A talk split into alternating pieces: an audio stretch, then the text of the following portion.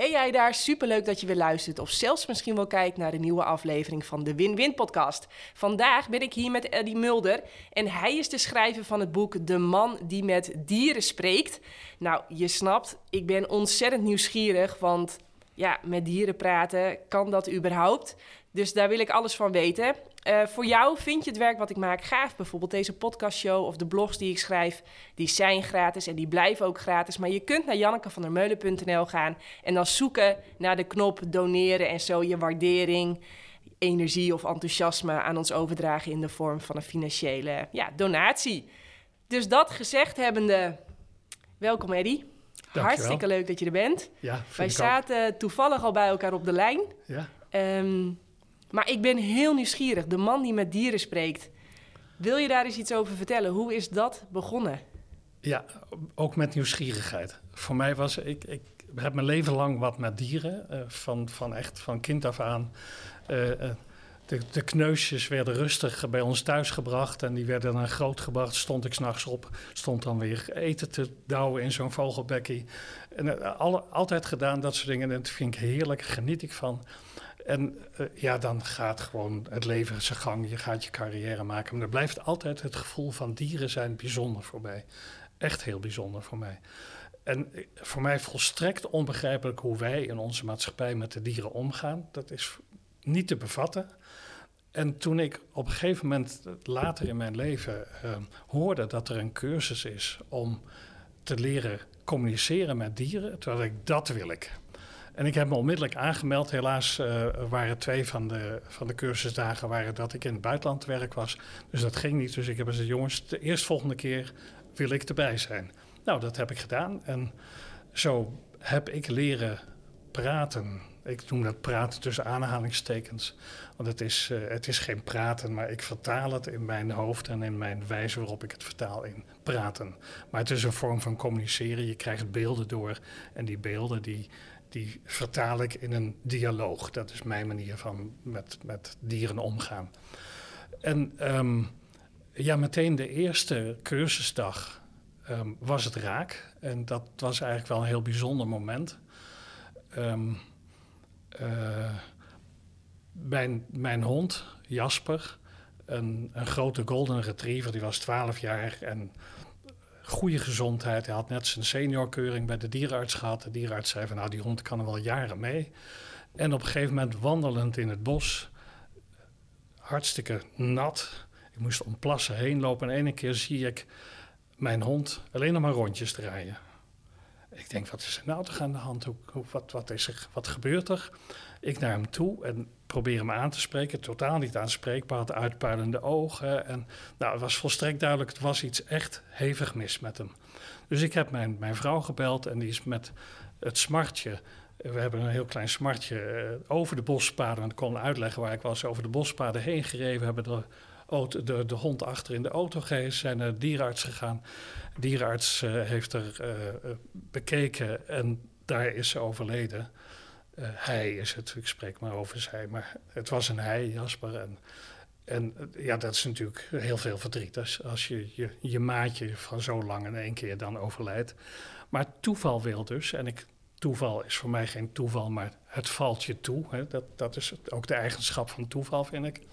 Dat de volgende dag had ik die cursus, communiceren met dieren. En ik had maar één wens, ik wilde met Jasper praten. Dat zijn emoties. Zitten er nou weer bij, sorry. Nee, ja, dat, zo gaat dat. Zo gaat het. Ook ja. dat het nog jaren terug is, gaat toch zo. Ja. En het lukte mij om met Jasper contact te krijgen. En ik denk van, nou, als dit kan, dat, dat, dat moet ik, dat wil ik en daar zal ik ook van alles mee willen gaan doen. Dus zo is het gekomen. Ongelooflijk. Ja, ja. En, en, en want ik, wat zijn die eerste woorden van de. Van, want Piek, Piek is, Piek is de docent. Ja. Uh, even, wat staat achternaam ook Piek weer? Stor. Oh ja, Piek Stor is de docent. Hoe pakt hij zo'n eerste les aan? Want hoe... Wat, wat, wat, want je hebt er waarschijnlijk een beetje basiskennis nodig om dit te kunnen opstarten. Hoe begint zo'n les? Ja, het, is een, het zijn uh, twee dames uh, die dat doen. Dat is Piek Stor en daar ben ik even haar naam kwijt. Dat is heel, heel vervelend, maar goed, staat ook in het boek genoemd. En ehm, het is toch, je moet een, een vorm van meditatie doen. Je moet goed aarden, je moet je richten op een bepaald doel.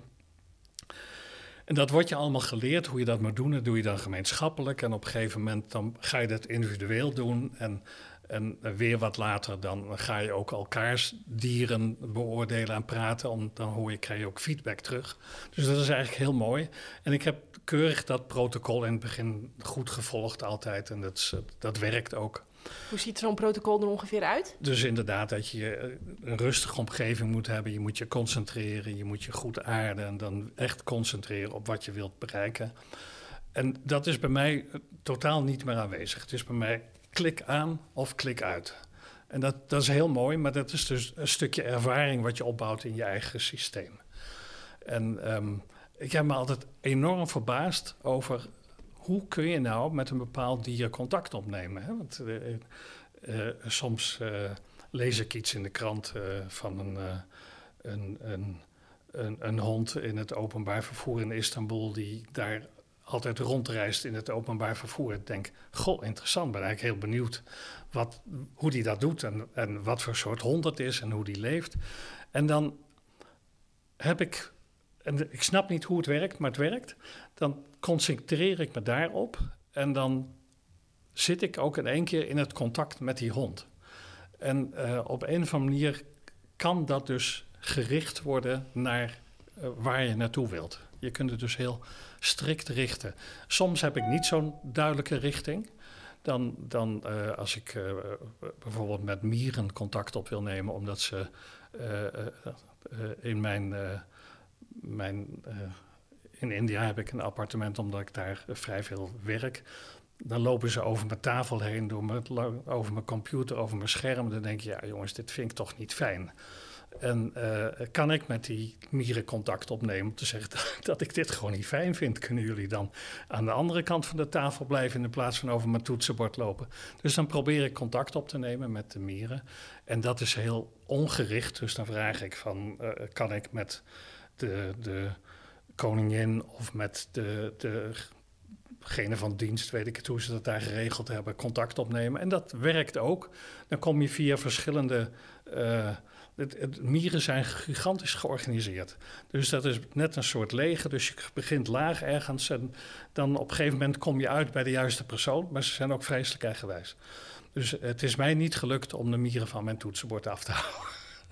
Om hem gewoon als voorbeeldje te geven. Oh, geinig. Het doet mij heel erg denken aan dat ik op een gegeven moment in een studentenhuis hadden we heel veel muizen. En, en, en ik ben niet zo snel bang en ook niet zo. Maar oh, muizen, ik had er echt nachtmerries van. Um, maar toen heb ik op een gegeven moment heb ik het helemaal omgedraaid door de boeken die ik las van uh, Pim van Lommel over eindeloos ja. bewustzijn. Ja. En toen heb ik heel erg tegen ze gezegd van jullie hebben ook gelijk. Dit is niet mijn huis, het is ons huis. En als jullie hier ook willen zijn, jullie zijn welkom. Als ik kruimels op de grond laat liggen, eet ze op. Want ja, wie ben ik om te zeggen dat je daar niet aan mag komen? En toen heb ik al mijn verzet losgelaten en de, mieren, en de muizen waren weg. Ja. Vond ik zo bijzonder. Dat is, het, het, er zijn zulke prachtige mogelijkheden om met dieren te communiceren. En dat doen we vaak heel onbewust en zijn ons niet eens bewust van dat we dus contact opnemen met dat bewustzijn van het dier en daarmee communiceren. En um, uh, wij hebben bijvoorbeeld uh, een, een, plek waar wij uh, buiten heel veel aten en dat overdekt. En daar zaten altijd wespen. En tijdens het eten wespen is gewoon niet fijn, niet handig. En we hebben een hele heldere afspraak met die wespen gemaakt van jongens, we laten jullie volledig met rust, maar laat ons dan met rust als wij hier eten. Heeft heel goed gefunctioneerd, niets aan de hand. Dus je kunt afspraken maken, maar niet ieder dier is bereid afspraken te maken. Dat moet ik er ook bij zeggen. Je hebt heel eigenwijze dieren. en daar, daar horen dus die mieren bij? De mieren horen erbij en mijn kat ook onder andere. Oké, oké.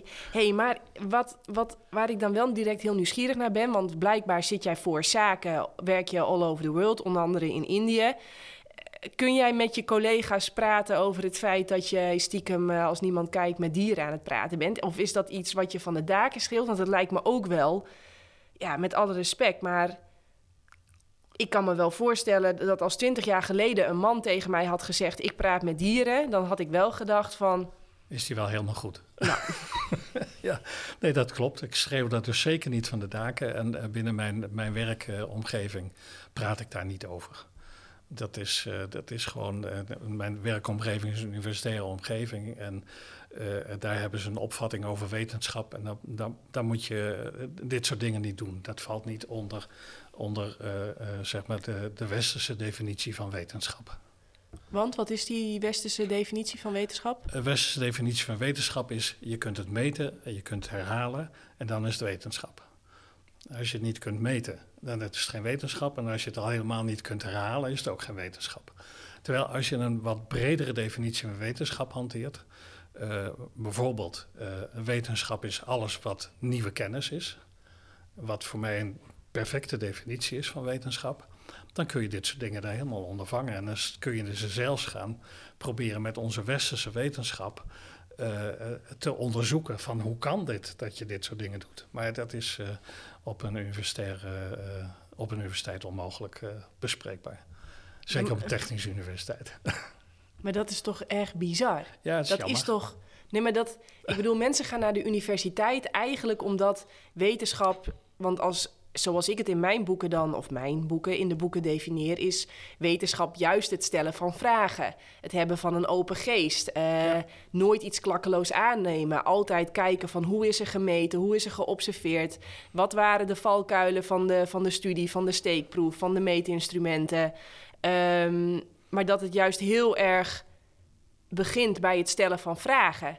En het he, wetenschap, ignoramus is het kernprincipe van de wetenschap, wat mhm. eigenlijk zegt we weten niet. Ja. Daar begint het mee. Ja, ja precies. Je wilt dus, je, we weten niet, dus je wilt die kennis uitbreiden. Dat is dus wat ik wetenschap noem. Maar dat, zo beschouwen wij wetenschap niet in het Westen. ja. Het is niet meetbaar en het is niet herhaalbaar. Sorry, geen wetenschap. En wat, wat, wat, wat, wat boeit jou zo aan, aan, aan dat soort, aan dit soort, uh, de, de, zeg maar die randgebieden van de wetenschap? Um, wat mij er eigenlijk in boeit is die, die vergroting van je kennis. Je, um, je, je bent op zoek naar antwoorden. Dat is precies wat jij eigenlijk ook zegt. Je stelt vragen. Uh, je bent op zoek naar antwoorden. Dat is hetzelfde als uh, vragen stellen, want dan krijg je de antwoorden. En um, uh, ja, die zijn niet altijd meetbaar, die antwoorden, maar ze zijn wel vindbaar. En um, misschien ook niet altijd in de, de wijze waarop wij ermee omgaan. Maar we hebben een, natuurlijk een enorme eh, schat aan Oosterse filosofieën waar heel veel kennis uitgehaald kan worden en dergelijke dingen. Dus er is. Um, en overigens ook, uh, we hebben ook esoterische westerse filosofieën, waar ook enorm veel kennis uitgehaald kan worden. Dus er, er is ruimte om overal vandaan nieuwe kennis op te doen. En misschien moet je dan zelfs niet eens zeggen nieuwe kennis, maar kennis te hernieuwen. Ja, ja. ja, want ze zeggen ook wel eens, en dat is misschien ook de reden waarom het jou lukt om met dieren te communiceren, dat al de kennis is er al. er is een soort van, we zitten een soort van in een, in een bubbel met z'n allen, waar alle kennis al is. Ja. En je kunt je bewustzijn gebruiken om daarop in te tappen. Zeg ik het zo goed? Ja, dat is, dat is ook het gevoel wat ik heb. Hè. Ik, uh, een soort um, um, Jij, zegt het zo mooi met het gebaar, maar het gebaar is, je, je richt je ergens op en dan kun je daarvan kennis van nemen. Dus het, uh, ja, het is een, een, bijna een navelstreng die je, die je uitgooit om, om die kennis te gaan halen. Zo voelde ik het ook wel. En, en ja, er, zijn, er zijn wat dat betreft heel veel filosofieën over hoe ons universum uitziet en welke dimensies uh, je moet denken. Of je dus meerdere dimensies dan alleen de drie dimensies die wij kennen moet hebben. En of je dan uh, tijdparallellen hebt en al dat soort dingen. Dat gaat mij momenteel even te ver. Maar uh, daar, daar heb je dus echt, ja, dat soort dingen zijn allemaal denkbaar. En het, het, het, grappige vind ik, en als ik dan weer even terugga naar, naar wat de dieren mij vertellen. Um, dieren vertellen mij als zij overlijden dat ze teruggaan naar een groepsziel. Dus ze komen in een, in een soort grote vijver waar hun ziel in teruggaat. En waar die ook uiteindelijk weer uitkomt als ze naar een volgend leven toe gaan. Dus bij dieren is, is er een absolute sprake van uh, dat zij altijd over in opeenvolgende levens denken en, en tussenperiodes. Dat is eigenlijk wel heel grappig wat um, wij in, in ons, uh, zeg maar in de Oosterse filosofie kennen we karma en reïncarnatie. Maar in de Westerse filosofie kennen we dat eigenlijk niet op die wijze. En dat hoor ik wel van de dieren. Dat vind ik eigenlijk wel heel mooi om te horen. En hebben wij als mensen ook een groepsziel of hebben wij een individuele ziel? Gaan wij ook terug in een vijver of wat, wat heb je daarover geleerd? Ja, dat is eigenlijk wel grappig. Heb ik, heb ik ook een keer echt navraag naar gedaan. Hè? Dat, dat, is mijn vorm van een, toch een beetje proberen te onderzoeken. Nee, mensen zitten niet in die grote vijver. De meeste niet. Sommigen zitten nog wel in die vijver en sommigen zitten aan de rand van die vijver en zijn een soort eigen belletje in die vijver. Maar in principe is een mens uh, individueel, geïndividualiseerd. En die heeft dus uh, zijn eigen keuze. Maar uiteindelijk hebben we, denk ik, ook toch een, een hele grote groep waar de mensen dan in zitten. Maar ze zijn veel meer individualistisch. Maar het, het wordt nou wel heel erg filosofische gesprekken. nou, ik wil gewoon even, we gaan weer eventjes terug naar het praten met dieren. Want um, ik, ik heb dan ook direct wat praktische dingen. En misschien heb je het antwoord eigenlijk in de eerste zinnen al gezegd. Maar ik lees dan in je boek bijvoorbeeld dat je met een buizerd aan het communiceren bent. En ik denk dan direct van, ja, hoe doe je dat dan als je in Spanje bent? Want uh, deze buizerd lees ik in het boek Praat Nederlands. het is bijna flauw om te zeggen. Ja. Maar, maar... Nou, het is eigenlijk heel simpel antwoord. Het, de, de taal is geen probleem, want ze spreken niet in een taal, ze spreken in beelden. En dat vertaal ik in, in woorden. Uh, dat is mijn, ook tevens meteen mijn beperking. Want je kunt die beelden niet allemaal, uh, die zijn gewoon niet zomaar uitlegbaar. Uh, Piek spreekt altijd in, um, in gevoelens. En die, ik krijg dit gevoel over of ik krijg dat gevoel over. Dat, dat zijn verschillende benaderingswijzen van toch communiceren met dieren. Dus het maakt helemaal niks uit of je in het Spaans, Chinees of Nederlands met Hieronymus spreekt, de buizerd. Uh, hij, hij is gewoon toegankelijk voor als je dat wilt. En hij dat wil. en wat is, wat is, wat is je, je meest, je, je bijzonderste gesprek? Oh, en, en, dan, en dan kan dat op emotioneel... Hè, ik kan me voorstellen dat het eerste gesprek met Jasper, hè, de overleden hond... dat dat heel bijzonder is. Maar ik kan me ook voorstellen dat je sommige gesprekken op beelden bent gewezen... zeg maar, die echt shocking waren of echt...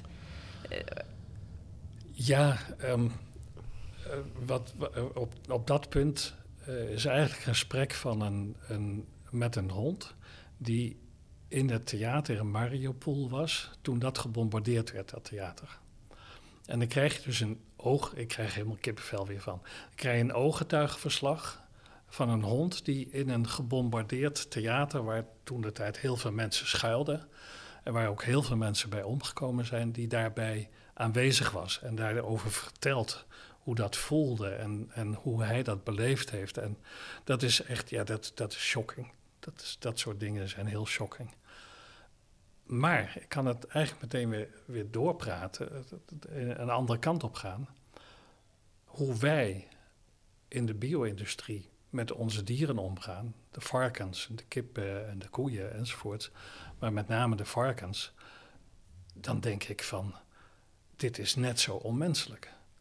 En als je die varkens hoort, dan ben ik enorm onder de indruk van ze dat zij dat leven doorstaan.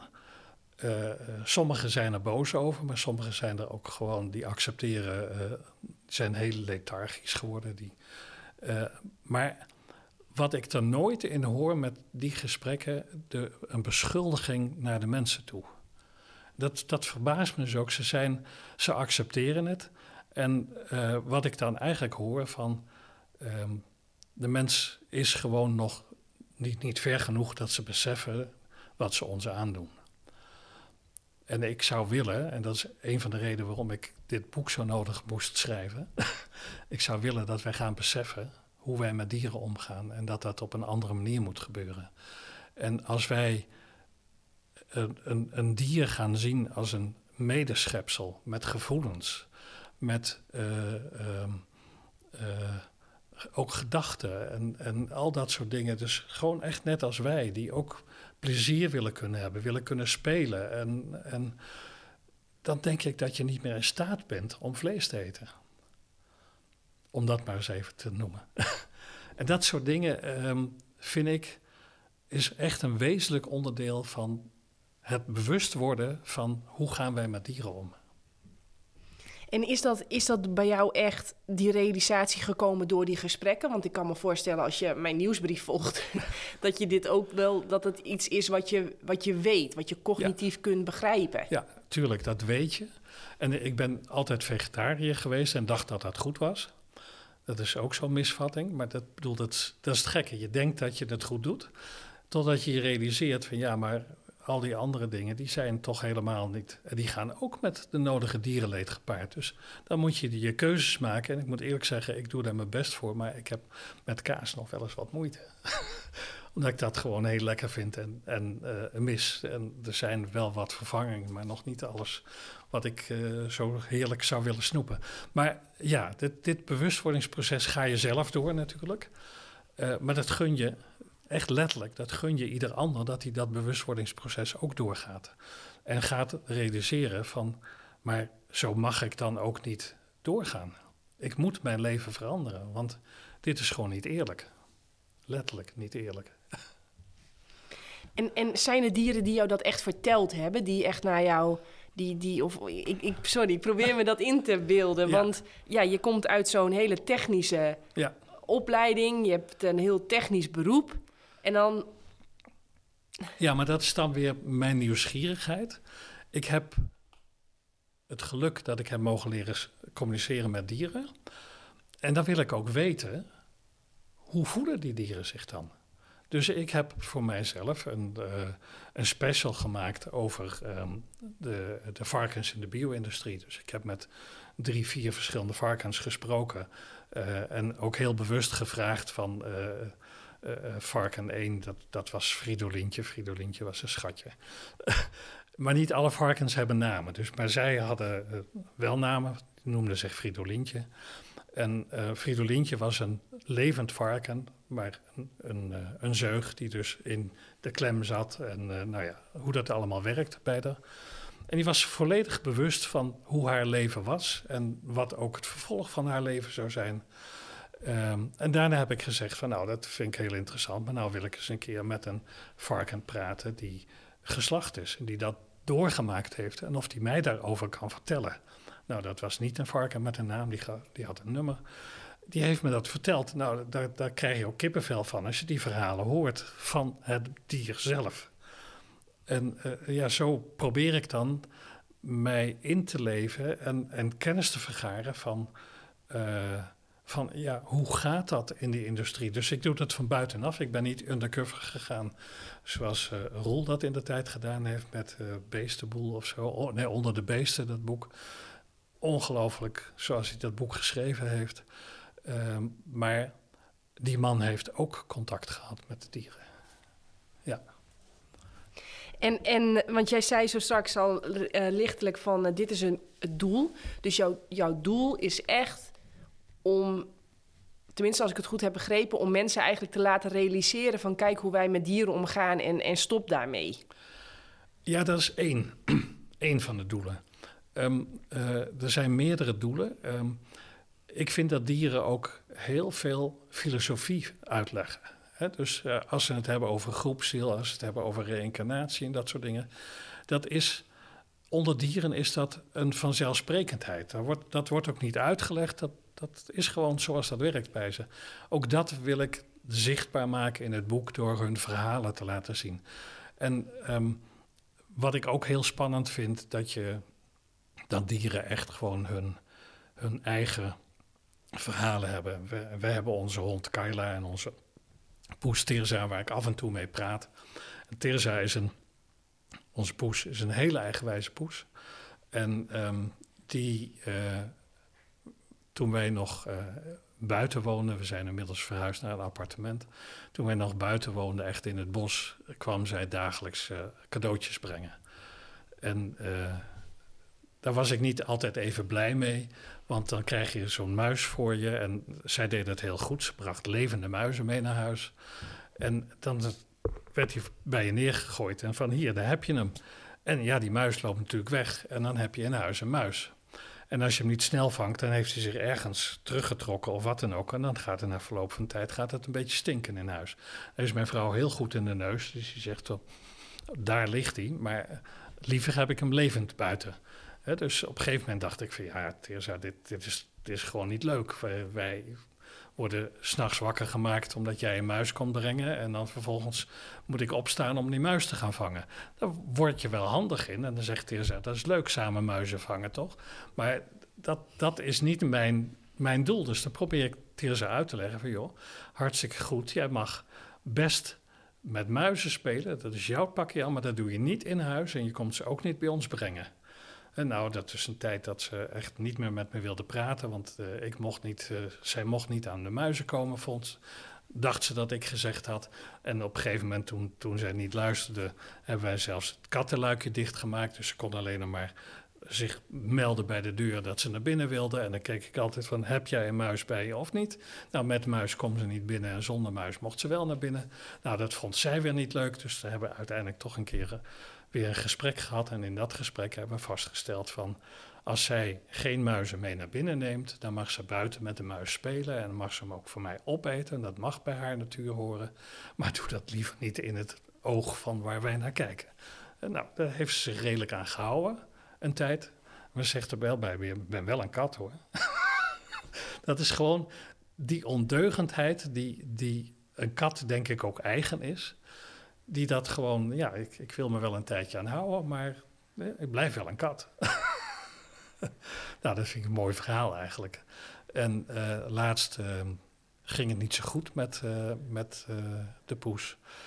En um, we hadden besloten dat we moeten naar de dierenarts, want ze, ze, werd, ja, ze is al 17 of zo, dus ze is wel een oude kat. maar ziet er nog uit als een, als een kitten.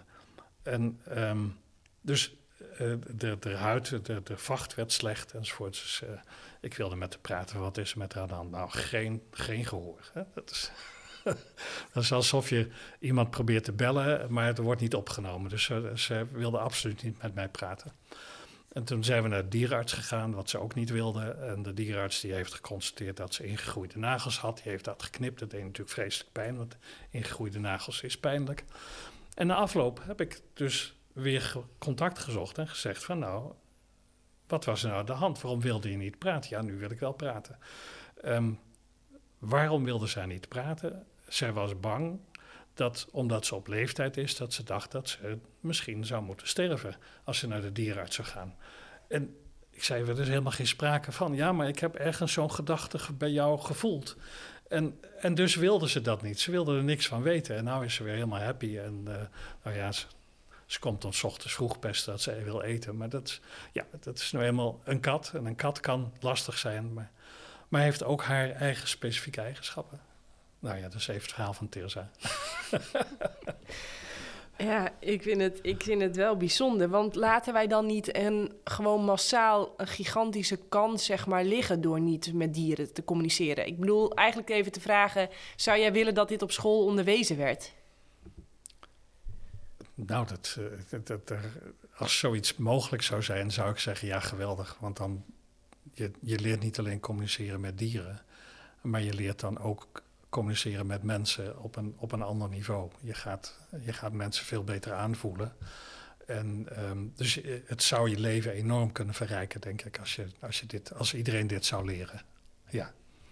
Ja, want ik kan me dus ook voorstellen, inderdaad, want je doet dit met dieren, maar je kan, dat, kan je dat niet ik denk dat, men, dat er heel veel mensen zijn die dit ook met mensen doen. Je zou, als jij je aandacht gaat focussen op mij, dan zou je toch ook nu mijn gedachten al kunnen lezen of uh, voelen hoe ik me voel. Um, misschien, maar daar heb ik wel mijn twijfels over. Want een mens uh, moet wel, een, een, dier, dat merk je dus aan het voorbeeld van de poes, hè, die moet ook toestemming geven om, om gelezen te worden en te communiceren. Maar een mens moet dat ook doen. En een mens is zich vaak niet bewust dat die vraag komt en geeft die toestemming ook niet, omdat hij totaal niet weet dat hij dat kan. Dus als ik bij jou zou proberen binnen te komen, dan zou jij mij toestemming moeten geven om bij jou binnen te komen. dan denk ik dat dat zou kunnen. Ik heb bijvoorbeeld wel met, met uh, een van onze kleinkinderen gedaan toen hij nog heel klein was. Onze dochter maakte zich zorgen over. Uh, ze at niet goed en ze bleef achter in de curve en weet ik het wat allemaal. Dacht ik van nou, ja, dan moet ik toch eens even met kijken of dat kan. Hè? Nou, dat was heel duidelijk. Ze kon nog niet praten. Maar man, man, wat had hij in babbels. Dus ik denk van nou, als hij wel kan praten, dan wordt dat als eentje waar, waar de klep open gaat s ochtends en pas s avonds weer dicht gaat. Maar ze kon je totaal geruststellen van er is niks met mij aan de hand. Uh, die curves zijn nou helemaal gemiddelde. Daar heb je een onder- en een bovenkant natuurlijk. En niet iedereen zit op het gemiddelde. Ik zit niet op het gemiddelde, maar het gaat prima met mij. Nou, leuk, dat eh, kan je geruststellen. Ja. ja, en ik probeer nu even advocaat van de duivel, want je krijgt beelden, maar daar gaat wel jouw filter overheen. Met jouw opleiding, met jouw opvoeding, met jouw normen, waarden, overtuigingen. Dus zit je niet uiteindelijk naar de film van jezelf te kijken? En, en, en ja, ik snap je eventjes, uh, want ik kan me voorstellen dat jij dat misschien in het begin ook getwijfeld hebt aan je eigen waarneming of... Ja, nee, volstrekt duidelijk. Uh, in het begin denk je van, dit kan niet waar zijn. Hè, dit fantaseer ik, dat is, dit, dit, dit is niet reëel. En, uh, dus door, door te doen, en daar, daar moet ik zeggen, heeft Hieronymus, de, de, de buizerd, mij enorm mee geholpen. Door steeds te zeggen, ja, je moet doorgaan, je moet blijven oefenen, want oefening baart kunst. En um, het gaat altijd door mijn filter heen. Het is onvermijdelijk dat er mijn persoonlijke invloed erin zit. Maar hoe, hoe beter je het leert, hoe minder van je filter erachter blijft. Hoe, hoe beter je leert um, te communiceren en de, en de zuiverheid in de communicatie. Ik heb dat eigenlijk altijd beschouwd als uh, een soort uh, piano spelen. Uh, kijk, op een piano hoor je heel duidelijk als iemand Jan, daar ligt een kip in het water speelt of een Bach-sonate speelt. Dat zie je dus hier niet bij. En dat is een nadeel. Je weet dus niet wie Jan, in, Jan ligt een kip in het water speelt of wie speelt het concert. Dat is lastig en dat maakt dat het dus altijd tot een vertrouwenskwestie gaat. En um, ik twijfel nog uh, regelmatig van, ja, maar dit, dit, dit, dit kan haast niet. En dan probeer ik dat opnieuw en dan probeer ik van de andere kant te bekijken. En dan soms vraag ik Hieronymus van, kun je mij helpen bij daar een, een oordeel over te geven? En die helpt mij daarbij, want die, die gidst mij min of meer daardoorheen. Dat klinkt ook vreemd, uh, dat je een, een buis had als je spirituele gids op dit gebied beschouwt. Maar zo, uh, zo gaat het wel, ja. Nu heb je ook heel veel, uh, of heel veel, nou je hebt er niet veel van, maar ik kom zeer regelmatig met wat ik ook doe, ijsvogeltjes tegen. En daar heb ik ook wel eens over gecommuniceerd. En dan zeggen mensen, ja, ijsvogeltjes staan symbool voor. Of buizerd staan symbool voor. Ik heb dat een beetje zelf verzonnen. Hè. IJsvogeltje staat voor mij symbool voor de liefde. En de buizerd staat uh, voor mij van ik heb altijd geluk. En dan moet ik zeggen, bij de meeste roeiwedstrijden aan de start zie ik vaak wel een buizerd. Uh, dus dan denk ik, oh, dit is toch weer top. Ik heb weer deze race, heb ik gewoon weer alle geluk. Ja. Um, merk jij dat ook, dat, dat de roofvogels bijvoorbeeld, dat zijn meer de gidsen. Hè? Ook de uil staat ook voor de wijsheid. Uh, wij, wijzen, wijs, uh, maar ook voor eenheid natuurlijk. Merk je zoiets? Ik, ik weet niet of dat een algemeenheid is. Het, uh, voor mij is um, de wijze waarop de buizerd kennis heeft gemaakt met ons dat zal ik eigenlijk ook even vertellen, want het is best wel bijzonder. Dat hij heeft zich aangediend en heeft ook gezegd van... hè, hè, eindelijk, eindelijk kunnen we nou met elkaar praten. Hij heeft bij wijze van spreken tientallen jaren gewacht op het feit dat ik eindelijk bereid was om te communiceren met hem. En hij, dat heeft hij gedaan. Ik had die cursus gevolgd en een paar dagen later, en het was echt een van de heetste dagen in Nederland eh, in de zomer. Hij lag op het grasveld. Gewoon met zijn vleugels gespreid, lag daar een buizerd. En je denkt, wat is dat nou? En je gaat kijken.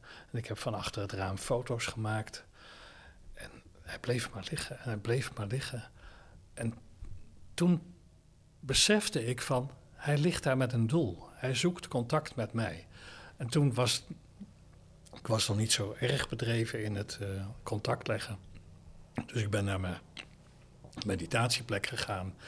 Heb uh, gewoon protocol gevolgd om contact te maken. En toen heb ik contact gemaakt. En toen vertelde hij dat dus van... Ja, ik, uh, eindelijk ben je nou zover dat we nou kunnen communiceren.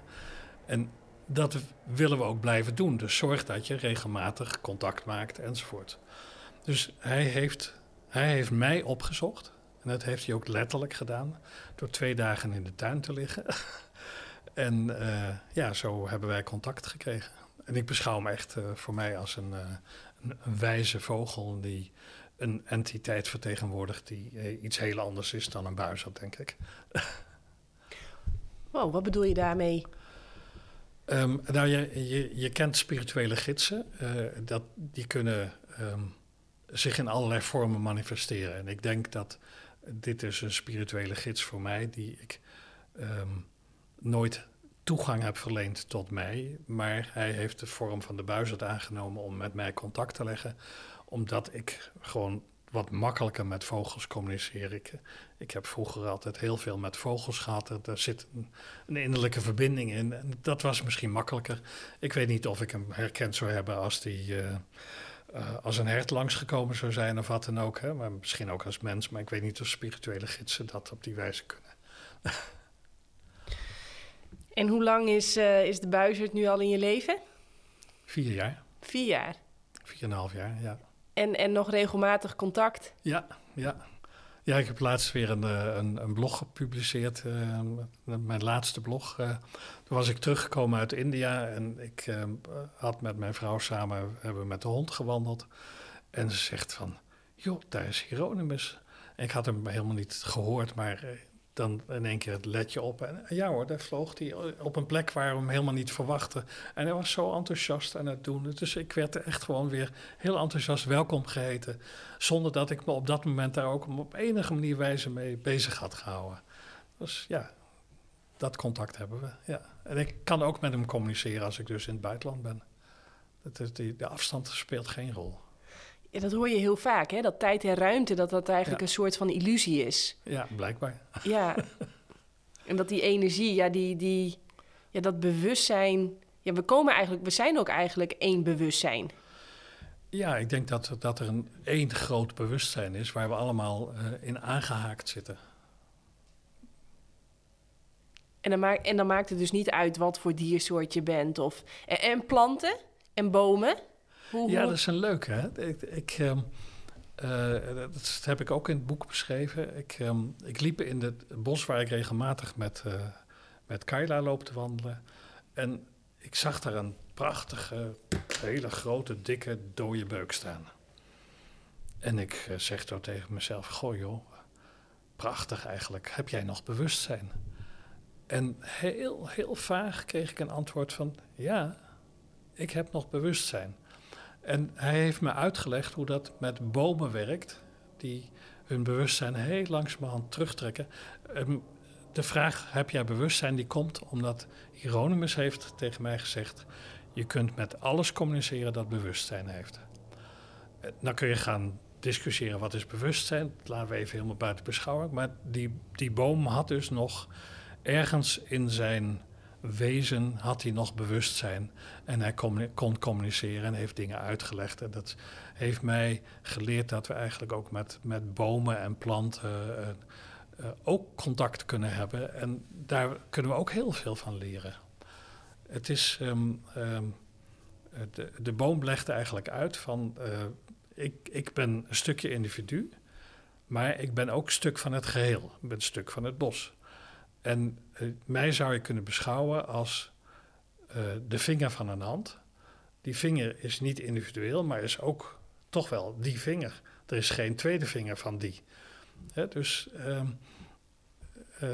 ik vond dat een hele mooie manier van uitleggen van welk deel ben je nou eigenlijk in het geheel. En dat kreeg ik van een boom te horen.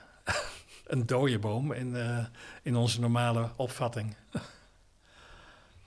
En ik zit dan direct door te denken, hè, want ik ben een groot voorstander van fruit, omdat ik het idee heb dat dat vrijwillig en overvloedig door de natuur wordt aangeboden. En, en, en letterlijk het valt van de boom af als het, als het heel erg rijp is. Ja. Zo van eet mij. En er zijn wel mensen die eten echt alleen maar fruit. En die, uh, hè, ik eet dan wel uh, ook planten, om, omdat die zeggen nee, een plant wil niet opgegeten worden. Die heeft bewustzijn, daarom bevat hij ook alkaloïden van die eh, giftige stoffen. In de hoop dat als je er dan ook van te veel van gaat eten, dat je daar zeg maar door gestraft wordt. Door Ja, ja. ja, je misselijk te gaan voelen. En daarom heb ik mezelf ook niet lekker gemaakt, zeg maar. Ben ik vies, bitter. En, en zit je daar ook wel eens over na te denken van hoe dat dan hoe dat, hoe dat zit? Ehm, ik moet eerlijk zeggen, ik heb daar eigenlijk nooit over nagedacht. En, en ook niet in de zin van, goh, zal ik daar eens mee communiceren? Ik vind het een interessante gedachte, dus die pak ik een keer op. Ik ben het wel volledig met je eens. Fruit is een gift. Dus dat, dat, dat krijg je. Maar ik denk ook van planten, die, en, en die zijn bereid zich op te offeren om jou te voeden. Sterker nog, ehm, en dat, daar had ik heel veel moeite mee. Ik heb Hieronymus een keer gevraagd van... moet ieder mens nou eigenlijk veganist worden? En waarop hij zei nee. En toen dacht ik, ja joh, dat, dat kan je toch niet menen? Maar hij zei erbij van... een dier kan zich opofferen voor een mens... maar er moet een persoonlijk contact zijn. Zonder dat persoonlijke contact kan je niet opofferen. En da- daar kan ik, wel, kan ik wel inkomen. Dus als dat dier bereid is zich op te offeren voor jou, dan zou je het mogen opeten. Maar als dat dier zich niet voor jou heeft opgeofferd, mag je dat niet opeten. Nou, onze vleesindustrie is, daar, die vindt dat natuurlijk volstrekt belachelijk, deze gedachte. Maar als je die gedachte wel zou aanhouden, dan, dan ga je ook weer anders toch naar de dieren kijken. Maar ik was stom verbaasd dat niet iedereen eh, eh, veganist diende te zijn volgens Hieronymus. Hij zei, nee, dat... En natuurlijk zei hij voor zichzelf, ja, ik eet ook natuurlijk eh, eh, vlees en ik, eh, ik eh, haal ook eh, dieren, maar ik heb dan eh, de, slechte, nou ja, de mooie verhalen. maar ik ja, vond dat wel verrassend eh, antwoord. Ja, ik heb daar een keer een hele documentaire van eh, gezien. Die vrouw die had inderdaad eigen varkens. En eh, ja, op een gegeven moment was dan de vriezer leeg. En dan gingen ze letterlijk regelmatig bij het hok zitten. Om aan de varkens te vragen. Zo van, ja, mijn vriezer begint leeg te raken. En Wie? eh, Ja, ja, wie is de volgende eigenlijk die zich daarvoor op wil offeren? En dan had ze zo gesprekken met de varkens. En dan op een gegeven moment was er toch de hele tijd één varken die zei van... ja, ik, ik, ik ben daar nu wel aan toe. Ik wil dat wel voor jou doen. Ja. En dan koos ze die uit en die ging ze dan slachten. Maar ik moet zeggen dat ik op zo'n moment ook wel een beetje... ja, maar dat is dan misschien mijn oordeel, hè? Dat, dat geef ik direct toe. Dan denk van... Ja, weet je, dit hele verhaal, dat komt jou ook hartstikke goed uit. Want je zit met die hok met varkens ja. en eh, het puilt uit. En, en, en ik snap wel dat je er een op wil eh, smikkelen. Ja. Want eh, ja, ik vond dan spekjes toevallig heel erg smerig. En de geur, daar ga ik van over mijn nek. Maar er zijn heel veel mensen die vinden dat ook echt heel lekker. Ja. Dus dan, ja, dan had ik wel zoiets van... Ja, het klinkt allemaal prachtig hoor. Ik vind het hartstikke leuk. En, en het zal voor mij waar zijn. Maar het komt je ook goed uit. Snap je, Ja, snap je mijn... eh, Ja, nee, ik snap het. Toch kan ik me voorstellen dat het wel zo kan werken. Omdat de dieren echt, dat zeggen ze ook zelf, echt bereid zijn om zich op te offeren. En ehm, in de industrie zijn ze niet bereid zich op te offeren, maar ze accepteren dat dat nou eenmaal zo is. Op een enkeling na. Ja, en dan moet ik heel erg aan Eckhart Tolle denken. Die lijkt dan wat dat betreft op de dieren. Want die zegt ook, iemand die dat bewustzijn niet heeft... daar kun je ook niet boos op worden. Die kun je niks kwalijk nemen. Die kun je niet aanwijzen gaan schuldigen. Want hoe kan je iemand, Ja. ja, zeg maar, als dader... Het zijn, het zijn geen daders, het zijn eigenlijk slachtoffers. Slachtoffers van het feit dat ze niet doorhebben waar ze mee bezig zijn. Dus ik kan me ook helemaal voorstellen dat een dier misschien wel een persoonlijkheid heeft, maar geen ego. Dus die oordeelt daar niet over. Ja. Zit ik zo een beetje in de buurt? Ja, ik, ik zou zeggen zeker, ja. Ja, dat klinkt voor mij helemaal als, als zoals ik de dieren hoor reageren. En dat, dat vind ik wel mooi dat Eckhart Tolle dat ook op die wijze zegt.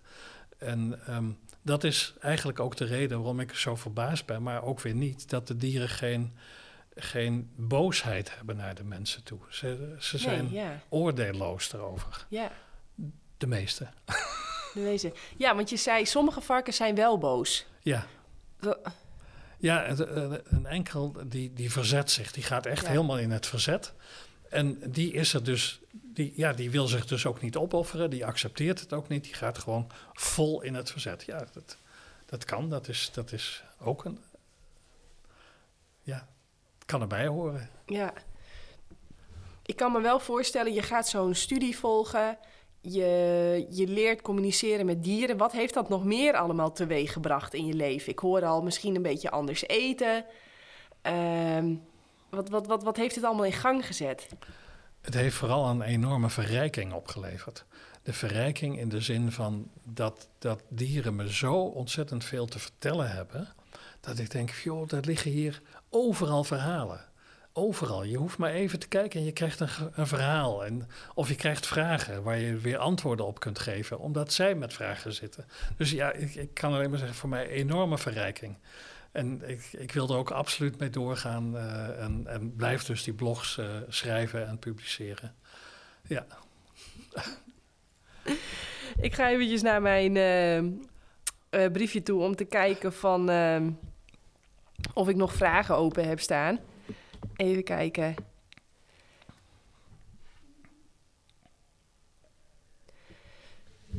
Nou ja, waar ik nog eventjes zeg maar mee zit, is um, ja, hoe, dit, hoe, dit dan, hoe dit dan toch kan, zeg maar. Kun je daar iets meer over vertellen hoe, je, hoe dit kan? Ik kan me daar zelf wel. Hè, door de vraag te stellen merk ik al dat ik allemaal antwoorden ga uh, verzinnen, zeg maar. Maar hoe. Ja, hoe kan het? Hoe kan het dat wij met dieren kunnen communiceren? Ja, de, vraag stellen is hem beantwoorden, maar dat, daarmee hebben de luisteraars en de kijkers nog geen antwoord. Um, het antwoord is dat er een algemeen bewustzijn is waar we, waar we elkaar kunnen begrijpen en, en kunnen aftappen. We zouden dat uh, misschien telepathie kunnen noemen, maar ik vind telepathie een heel beperkt onderdeel eigenlijk van het geheel. Um, het, is, het is dus, kennis is overal rond ons in ons, om ons heen. En um, ja, daar kun je, als je dat leert te sturen, ik denk dat dat het belangrijkste is, je moet het leren sturen, dan kun je daar kennis van nemen, dan kun je dat aftappen. En het is dus blijkbaar helemaal niet zo vreselijk moeilijk te leren, want ik heb het ook kunnen leren, uh, vrij snel. maar dan moet je het blijven uh, oefenen, want oef, oefening, dat zal iedereen bevestigen, het kunst. En als jij kunst wil produceren, dan moet je oefenen. Ja. Ja, nee, helemaal eens. En merk jij ook dat dieren met elkaar praten? Is jullie hond met de kat aan het communiceren en, en zijn de muizen met de kat aan het communiceren? Hebben die onderling ook contact? Interessante vraag. Um, ik heb me daar nooit bij stilgestaan. Maar ik denk eigenlijk wel dat, dat er gecommuniceerd wordt onderling. Ja, denk ik wel. En um, wat, wat ik wel zie, dat, dat is heel verrassend. Muizen spelen met katten. We denken al met dat katten met muizen spelen. Dat is ook zo. Maar er zijn ook muizen die spelen met katten. En, en uh, die kunnen ook uh, een kat weerstaan. En die zijn dus ook gewoon. Dus op een of andere manier moeten die ook met elkaar communiceren, denk ik. Dus ja, dat is, ik, ik denk wel dat ze met elkaar kunnen communiceren. Ja. Nee, het, sterker nog, ja, uit het varkensverhaal, wat, wat ik toen heb, uh, toen hebben ze me ook verteld dat ze onderling met elkaar communiceren. Dus ja, ze doen dat. En dat doen, dat doen de honden dus niet alleen door met elkaar te blaffen, dat doen ze ook, zeg maar, zonder gebruik te maken van taal, van, van geluid. Volgens mij speelt geluid geen enkele rol in de communicatie. Ook, ook niet in mijn communicatie met de dieren. Daar speelt geluid geen enkele rol in. En hoe, want eh, ik hoor dat je, dat je getrouwd bent. Wat, hoe, hoe vindt je vrouw dit allemaal? Want die dacht, ik heb een een of andere technicus aan de haak geslagen. en nu zit de beste man te mediteren en, en, en, en met de buizer te, te, te, te, te filosoferen.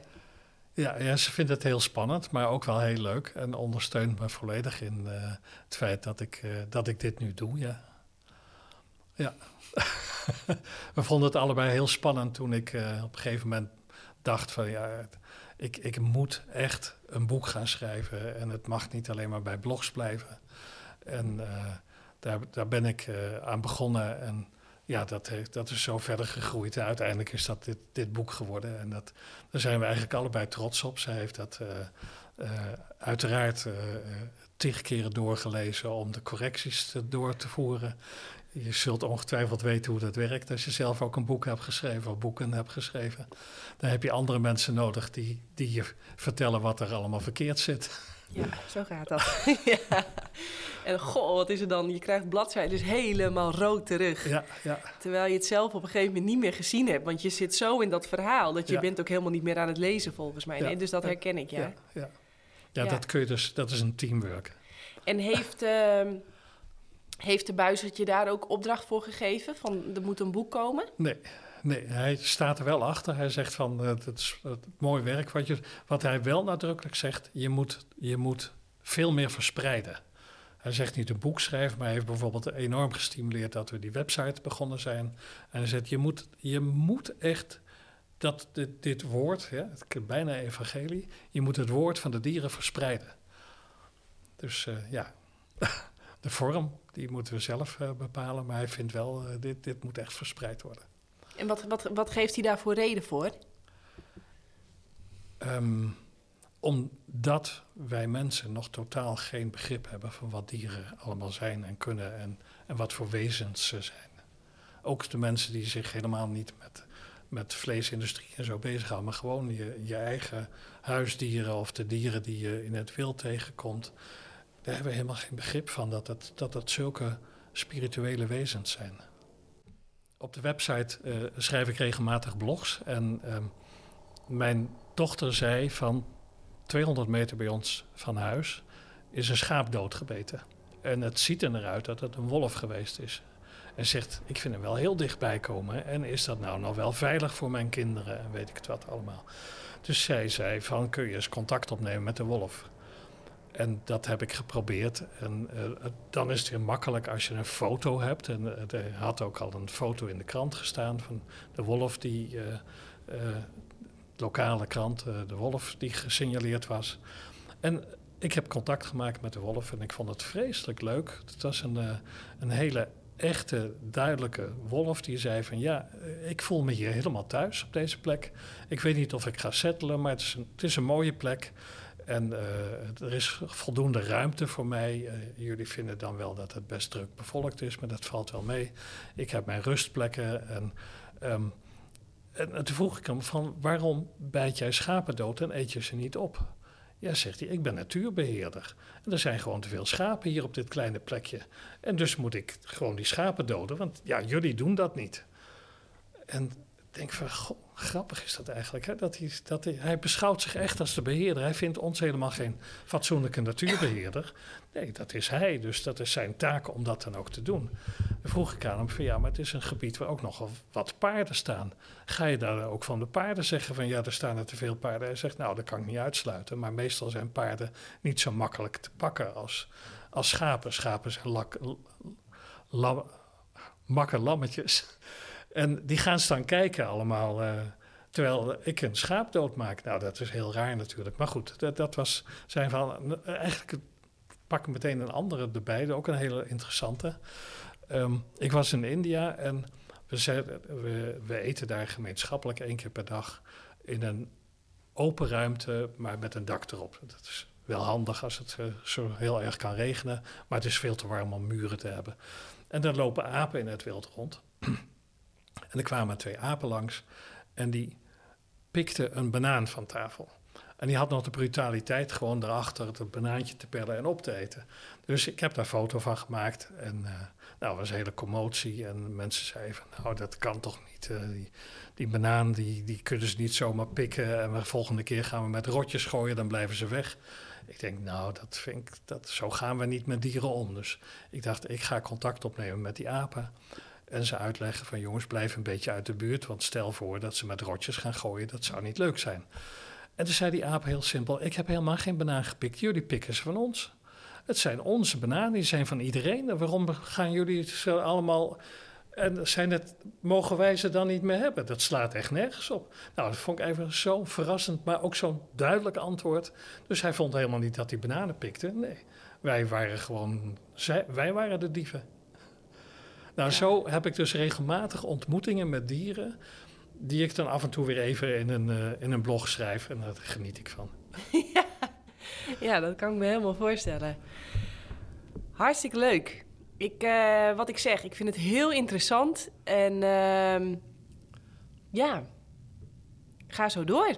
Kan niet anders zeggen. Dank je. En ik hoop dat heel veel mensen nu ook zoiets hebben van... Uh, ja, why not? Wat, wat, wat zou een reden zijn om dit niet te gaan doen? Ja, ja. Het is uh, vooral um, letten op dieren en veel meer aandacht aan ze besteden. En uiteraard kan iedereen proberen ook dit te gaan leren. Dat zal niet iedereen doen. Maar het, het, het, het, aandacht geven aan dieren als echte individuele wezens met gevoelens, dan, dan gaan we al heel anders met dieren om. Er schiet mij ineens een uh, verhaal te binnen. En um, wat ik zo bijzonder vond, ik had in het boekje van Suzanne Smit, ik hoop dat ik het nu goed zeg. Boah, ik weet het niet zeker. Maar die had een boekje geschreven over uh, spiritueel zwanger of spirituele zwangerschap. Het is uh, 2,5 jaar geleden. Ik, moet, ik, moet, ik weet het even niet meer precies. Maar wat ik me wel heel duidelijk is bijgebleven, is, en dat herken ik in jouw verhaal over de buizerd, dat zij zei: de ziel kan zich soms al aandienen uh, in de vorm van een symbool. En uh, ik weet nog dat ik op een gegeven moment het idee had van ja, volgens mij uh, ja, ben ik nu zwanger. Dat, dat voelde ik echt zo. En op dat moment roets, roetst er een, um, een tortelduif bij mij voorbij. En toen dacht ik, oh kijk, daar is ze. en dat kan echt een, vers, een verzinsel zijn of toeval. Of misschien slaat het wel helemaal nergens op. Maar wat ik toen vervolgens mijn hele zwangerschap heel grappig vond... is dat die tortelduif... Ik fietste een dorp in en dan zat hij op de lantaarnpaal waar ik onderdoor moest fietsen. Of dan kwam ik aangereden op de parkeerplaats en dan zat hij op de parkeerplek. Of vloog hij ineens bij ons bij de woonboot langs, heel dicht. Terwijl ik heb daar nog nooit een tortelduif gezien. Uh, wel ijsvogeltjes overigens. Maar ja, nou zo kan ik wel even doorgaan. En toen op een gegeven moment... Um, ja, dat ging al heel snel. Oh ja, op een gegeven moment... Ik was heel groot. Uh, en we hadden geen echo's laten maken. Dus Mitchell zat te grappen van weet je wel zeker dat het er één is. Ja, ik had zeker weten gevoeld het is één. Ik voelde dat ook heel sterk. Maar toen zei hij ja, straks worden er twee geboren en dan hebben wij maar één naam. En toen had ik een naam aangedragen wat ik ook wel een leuke naam vond. En toen ging Mitchell opzoeken wat de betekenis van die naam was. En de betekenis van die naam was het betekent niets. Ja, en dat vond hij, ja, dat vond hij, hè, om zijn kind dan een naam te geven wat niets betekent, dat vond hij niks. Toen zei ik, ja, alsof hè, Duitse, want dat hadden we op dag uh, twee of drie hadden we dat al bedacht. Ik zeg, alsof Duitse wat betekent. Um, en toen is hij dat op gaan zoeken. Nou, één keer raden wat Duitse betekent. Tortelduif? Ja. Duif. Oh. Nou, en, en dan, en dan, ja, dan, dan, nou ja, je merkt het, dan begin ik te stotteren. Hè? Dan ja. denk ik, dit is toch ongelooflijk. Ja. Dat is toeval. Hè? Het valt je toe. En ik, ik herken helemaal wat je zegt met die tortelduif die je overal zag. Dat had ik met die, met die buizerd. Overal zat hij, was ik hem, kwam hij langs vliegen, kwam hij over en hoorde hem hoog in de, in de lucht. En dat wil helemaal niet zeggen, denk ik dan bij mezelf, dat dat één en dezelfde buizerd is. Zo voelt hij wel, maar het kan best zijn dat, het er, uh, dat je meer aandacht voor een buizerd hebt op het moment dat dat dat je kennis hebt gemaakt en, en zo diep eigenlijk ingezoomd bent op die buizerd. Maar het doet niets af aan het feit dat je daarmee toch een hele bijzondere band opgebouwd hebt. Dat heb jij natuurlijk met de tortelduiven. Dat, ik vind het een heel mooi verhaal, ja, prachtig. ja, maar ja, je noemt het ook self-fulfilling prophecy. Hè? Want als ik ja. nu zeg maar helemaal studie ga doen naar rode Porsches uh, van een bepaald merk. En ik ga er helemaal induiken en ik ga daar boeken over lezen en bla bla bla. Dan op een gegeven moment zie ik ze ook overal. Dus het is ja. ook natuurlijk een stukje self-fulfilling prophecy. Uh, doet mij wel herinneren aan een ander voorval. Tenminste, dat zegt mijn vriend altijd tegen mij. Maar ik heb dus ook het idee. Maar ja, misschien gaan we nu te ver. Maar mijn vriend zegt altijd: volgens mij voelen dieren dat jij veganist bent. Want uh, we waren een keer op een camping. En daar was een hele agressieve zwaan. En overal bordjes: denk om de zwaan, denk om de zwaan. En uh, de zwaan, uh, ja, hij zat nog net niet bij me op schoot. Maar ja, hij kwam wel de hele tijd bij ons en hij was super lief en hij at uit mijn hand. En er was ook een hond, dus een ander verhaal. Die hond die was onhandelbaar. Eh, die mensen die, eh, ja, die hadden zoiets van... ja, deze hond zijn we eigenlijk liever kwijt aan Rijk... want ons hele sociale leven, we kunnen nergens meer op bezoek... mensen kunnen niet bij ons op bezoek, hij blaft en hij blaft... Ja, en ik heb de hele middag met die hond gespeeld. En die mensen hadden echt zoiets van: nou, wat, wat gebeurt hier? Kun jij die hond meenemen of zo? nou, en hij had witte haar en hij verhaarde heel veel. En mijn vriend die houdt niet. Maar weet je, dat, dat, dat vind ik ook zulke. Denk jij ook dat, dat dieren kunnen voelen? Ehm, ja, ik ben, ben er absoluut van overtuigd dat, dat, dieren in je aura kijken en dat gewoon kunnen zien aan je. Dus dat is. Uh, ik heb. Hetzelfde had ik ook gewoon op de hei, dat ik gewoon door een vogel in één keer aangesproken word. En dan denk ik, ho, ho, dat, uh, ik bepaal altijd wanneer ik wil spreken, jullie niet. Maar dat, je kunt dus ook gewoon aangesproken worden. En dat, dat is dus echt, ja, je straalt het op een of andere manier uit. En jij straalt het ook uit. Dat, en en dat, dat is voor jou gewoon niet eens een vraag? Nee, nee. Dat is gewoon echt zoals het is. Maar dan, dan ben ik direct nieuwsgierig, hè? Want jij zegt van ja, ik snoep dan nog wel kaas. Ja. En, en dan ben ik wel nieuwsgierig of jij eens een, heb je al een keer met een koe gecommuniceerd om en hierover gesproken? Zo van ja, ik. ik, ik... Nee, dat is een goede vraag. Ik, eh, wat, ik, wat ik een keer gedaan heb, wilde mijn vrouw heel graag koeien knuffelen. Dat hebben we gedaan. Daar heb ik ook een blog over geschreven, want daarna ga je natuurlijk met die koe in gesprek. Je denkt, ja, vindt die koe dat nou eigenlijk überhaupt wel leuk dat jij zo gezellig tegen hem aan komt liggen? Uh, maar ik moet eerlijk zeggen, ik heb daar nooit met een, uh, met een koe over gesproken om, om mijn geweten dat ik dan toch af en toe een stukje kaas neem. en dat ik daar nog van geniet ook. maar dat is misschien interessant om een keer te doen, ja zeker. En, en hoe, hoe vond de koe het koeien knuffelen? Um, nou, dat, dat accepteren ze wel. Eh, en, en het is voor hun ook wel het gevoel van het is goed dat mensen dus het contact aangaan. Dus dat vinden ze wel goed. Maar de, de boerin legde dus de hele boerderij uit en dat het kalfje meteen weggehaald wordt. En dat is goed dat de moeder en het kalfje geen band opbouwen. Nou, dat soort verhalen, daar, uh, daar doen zij niet aan mee, want dat is volslagen onzin. Maar ja, zo praat je als boer natuurlijk ook wel goed wat je doet, denk ik. Ja, maar ja, aan de andere kant denk ik dan weer... Ik ben het helemaal met je eens. Hè? En helemaal nu als je zelf moeder wordt en je gaat zelf borstvoeding geven... en je gaat soms kolven als je weg moet. Nou, kolven, ik weet niet welke moeder... Ja, kolven vind je fijn als, als, als, er, als er geen kind is om de borsten leeg te drinken. Want dan staat er heel veel druk op. En dan denk je, oh, maar kolven is niet leuk. Dus ik zit wel eens te denken, je zou maar en kolven doe je voor het hogere doel. Hè, omdat, omdat, het op gang te houden en het kind te geven. Ja. ja, en als het kind bij oma is, weet je wel dat het daar niet honger hoeft te lijden. Ja. Dus, maar ik zit dan wel eens te denken: oh, je zou maar een bevalling gehad moeten hebben. En je kind wordt direct afgepakt. En je moet, je moet dan vervolgens nog wel. Dat is toch, als je daarover na gaat denken, dat kan toch niet? Ja. Nou, ik denk dat je een hele mooie emotie eraan meegeeft van het kan niet. Het kan gewoon niet, dit soort dingen. Maar we doen het. En we vinden het gewoon. Dat is te erge. En dat wil ik aan de kaak stellen. we mogen dit niet meer gewoon vinden. Nee. Nou ja, en wat ik dan ook nog zo bijzonder vind, is dat er nog steeds bak subsidie op zit. Ja. Dus ik, ik financier het ook nog met het belasting wat ik betaal. Ja, ja dat is uh, helaas onvermijdelijk. Hè? Zoals we ook nog uh, de olieindustrie uh, met onze belastingcenten enorm uh, financieren. En dus onze eigen ondergang. maar dat is een heel ander verhaal. Waar ik heel nieuwsgierig naar ben, is waar kunnen wij jouw blogs vinden? Waar kunnen we je boek vinden? Ik kan me voorstellen dat de mensen helemaal aangaan op dit verhaal en ook willen leren om te communiceren met dieren. Ja. Waar, waar kunnen we nou, um, de, de, de website heet animaltalks.online. Daar staan de blogs op. Uh, daar is ook het boek verkrijgbaar. Er zit een, eh, een webshop bij. Er is ook het, het, boek van Piek is daar verkrijgbaar. Daar is ook de cursus te boeken van Piek en Petra. Petra Maartensen, die ik begin even de naam niet meer ja, precies wist. Um, dat is allemaal dus te vinden op animaltalks.online. Maar overigens, het boek is ook gewoon uh, in de boekwinkel verkrijgbaar en bij Bolcom. Ja, leuk. Dank je wel daarvoor. Succes daarmee. En jij ook heel erg dank voor dit gesprek. Ja, bijzonder. Mooi.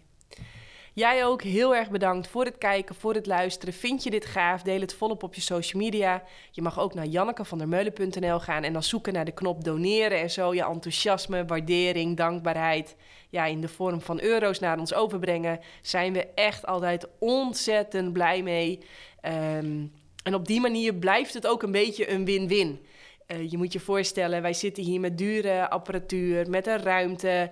Het kost ontzettend veel tijd en energie om alles te bewerken en goed op internet te krijgen. Dus blijf doneren. Je weet niet half uh, ja, hoeveel plezier je ons daarmee doet en hoe belangrijk het ook is om het, uh, ja, daarmee een win-win te houden. Dus dat gezegd hebbende, nogmaals heel erg bedankt en tot de volgende keer. Doei! Zou je eigenlijk wel meer plantaardig willen eten, maar heb je geen idee hoe je dat op een gezonde, verantwoorde manier voor jezelf en je gezin doet? Lees dan het boek De Eiwitleugen. Mijn naam is Janneke van der Meulen en in 2018 en 2022 werd ik wereldkampioen kustroeien. In 2021 werd ik na een energieke zwangerschap en soepele bevalling moeder van onze dochter. Alles op een dieet van fruit en planten. Kijk, je kunt nog zoveel diploma's hebben, geluk, talent, connecties, geld. Maar energie is uiteindelijk wat het verschil maakt voor resultaat. In het boek De Eiwitleugen deel ik daarom alleen maar de allerbeste wetenschap voor optimale gezondheid, fysiek en mentaal.